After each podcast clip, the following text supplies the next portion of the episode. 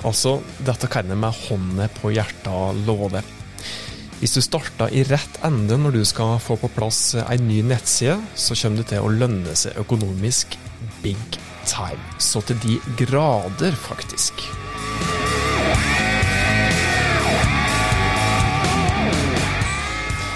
Hei. Hjertelig velkommen til Hauspodden, podkasten fra fagfolket i Haus. Oss er nok en gang på plass for å hjelpe deg med å nå små og store mål som du har sett i organisasjonen som du jobber i. Tusen, tusen, tusen, tusen hjertelig takk for at uh, du hører på Hauspodden. Det er oss uh, ordentlig glad for. For er det noe som oss virkelig lever og ånder for, så er det å hjelpe nettopp det. Og Det skal som vanlig handle om uh, mål, som det ofte gjør i de episodene til denne podkastserien her. Og det skal òg handle om strategisk jobbing òg, som oss òg liker å, å, prate om i denne podkasten som da heter Hauspodden. Altså, det å jobbe strategisk i en organisasjon, det er noe som som regel hele tida lønner seg, ikke minst når du skal redesigne nettstedet kanskje optimalisere det, eller få på plass et helt nytt nettsted.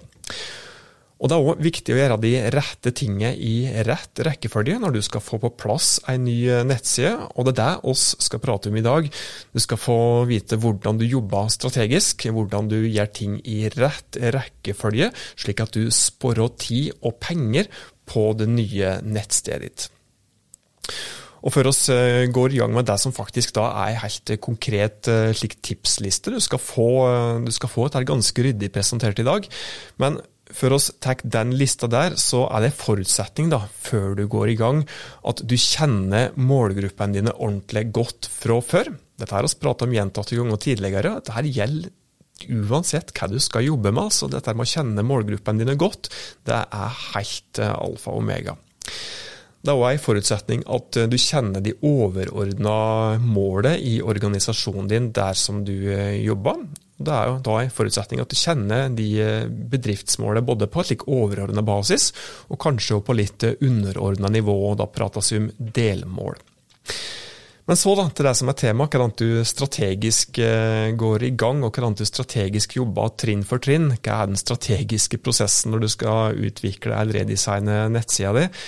Det første handler faktisk om at du stiller det spørsmålet hvorfor skal du egentlig gjøre denne jobben her? Hvorfor skal du ha en ny nettside? Hvorfor skal du gjøre et redesign? Dette her handler om det som er målet ditt med nettstedet. Og Målet det kan handle om mange ting, men rent overordna så koker det faktisk ned til bare tre hovedmål. Det handler om auka salg, eller mindre kostnad, eller større kundetilfredshet eller brukertilfredshet. eller Gjerne en kombinasjon av i hvert fall to, kanskje tre av de hovedmålene her. Og Så kan det òg handle om delmål, som f.eks. at du ønsker å få flere registrerte leads via nettstedet ditt, at du ønsker bedre organisk synlighet, sterkere merkevare, økt salg av et konkret produkt. Spore personalressurser på kundeservice kan òg være et delmål her. Så du starter altså med bedriftsmålet og definerer det. Og etter at bedriftsmålet er avklart, så må du da se på hva er målet til målgruppa di med å besøke nettstedet ditt. Her prates om såkalte målgruppescenarioer.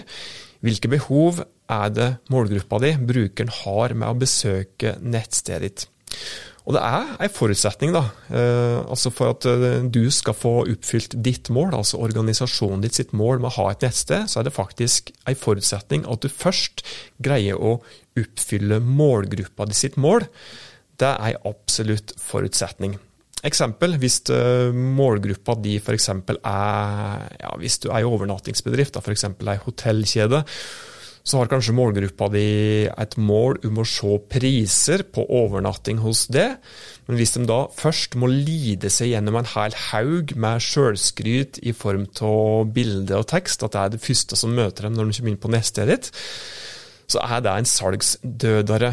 Du må gå rett på sak, oppfylle brukerbehovet først. Og Målgruppa di sitt mål, eller brukerbehovet, da, kan altså være å booke eller se priser hvis du da tilbyr overnatting. Eller det kan være å finne informasjon om et konkret produkt. Kanskje laste ned en FTV hvis du er produksjonsbedrift f.eks. Finne kontaktinformasjon òg er et typisk brukerbehov. Og da, når både bedriftsmålet og brukermålet er på plass, så er det på tide å definere det såkalte web-konseptet. Hvis du er ei bedrift som f.eks. tilbyr eh, ja, f.eks. maskinførerutdanning, da, eh, så er det nok sannsynligvis at du har et overordna mål om å selge flest mulig kurs eller flest mulig utdanningsløp til dem som har lyst til å bli maskinførere. Og Hvis da målgruppa de har et mål om å bli maskinfører, så er jo begge parter sine mål så sammenfattende at det er utrolig enkelt å definere dette her nettstedskonseptet. Det neste som du bør ha på plass, det er en kravspesifikasjon. Kravspesifikasjon er viktig for at du skal få, altså du som oppdragsgiver, da, skal få det som du faktisk eh, betaler for. Og ikke minst at du da får sammenlignbare tilbud fra de ulike tilbyderne. Og En kravspesifikasjon der kan gå bl.a. på tekniske krav, det kan gå på funksjonskrav, det kan òg gå på krav til integrasjon mot andre system, som f.eks. CRM-system, ERP-system, regnskapssystem osv. Og her, etter at det er på plass, kravspesifikasjonen er på plass, som gjerne inneholder mange andre punkter, eh, så kunne vi faktisk ha stoppa. fordi at hvis du jobber i en bedrift som kanskje setter bort hele jobben, så skal jo da seriøse leverandører ha ganske så bra kontroll på den videre prosessen. Men likevel så mener oss at det er viktig at du, selv om du ikke jobber aktivt med sjølve at du ikke er en utførende part på den videre prosessen med fornying av nettstedet ditt, eh, det er viktig at du likevel kjenner til det viktigste ellers i prosessen, slik at du får forståelse for hvordan prosessen ideelt sett bør se ut, for at du ikke skal sitte igjen med det som i beste fall kun er ei side som ser visuelt bra ut. Fordi at det er selvsagt fint at ting ser visuelt bra ut, men det er ikke der du starter når du skal jobbe med utviklingen av et eh, nettsted. Men det neste da, som bør på plass i prosessen, det er da ei såkalt søkeordanalyse. Som vi har prata om eh, flere ganger i Hauspodden. Og ei søkeranalyse den danner grunnlaget for oppbyggingen og strukturen av nettstedet ditt. Og den er igjen òg kritisk for synligheten på, på nettstedet ditt.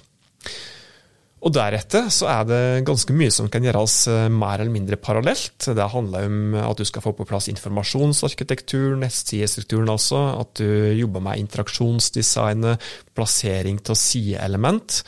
Og når det er gjort, først da starter du faktisk med det rent visuelle designet.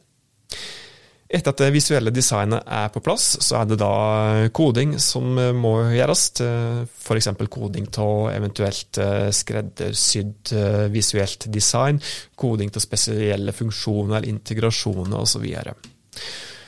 Og når det er gjort, så nærmer vi oss egentlig ferdigstillelse av selve nettstedsprosjektet. fordi at eh, da er det gjerne oppsett av analyseverktøy og konverteringssporing som må på plass, slik at du får på plass eh, sporing av viktige mål, eh, som da kan være med på å Eh, gir det et klart bilde over hvordan da nettstedet ditt faktisk fungerer, til å, bi, til å oppnå disse her overordna målene som du da har definert initielt eh, i prosessen.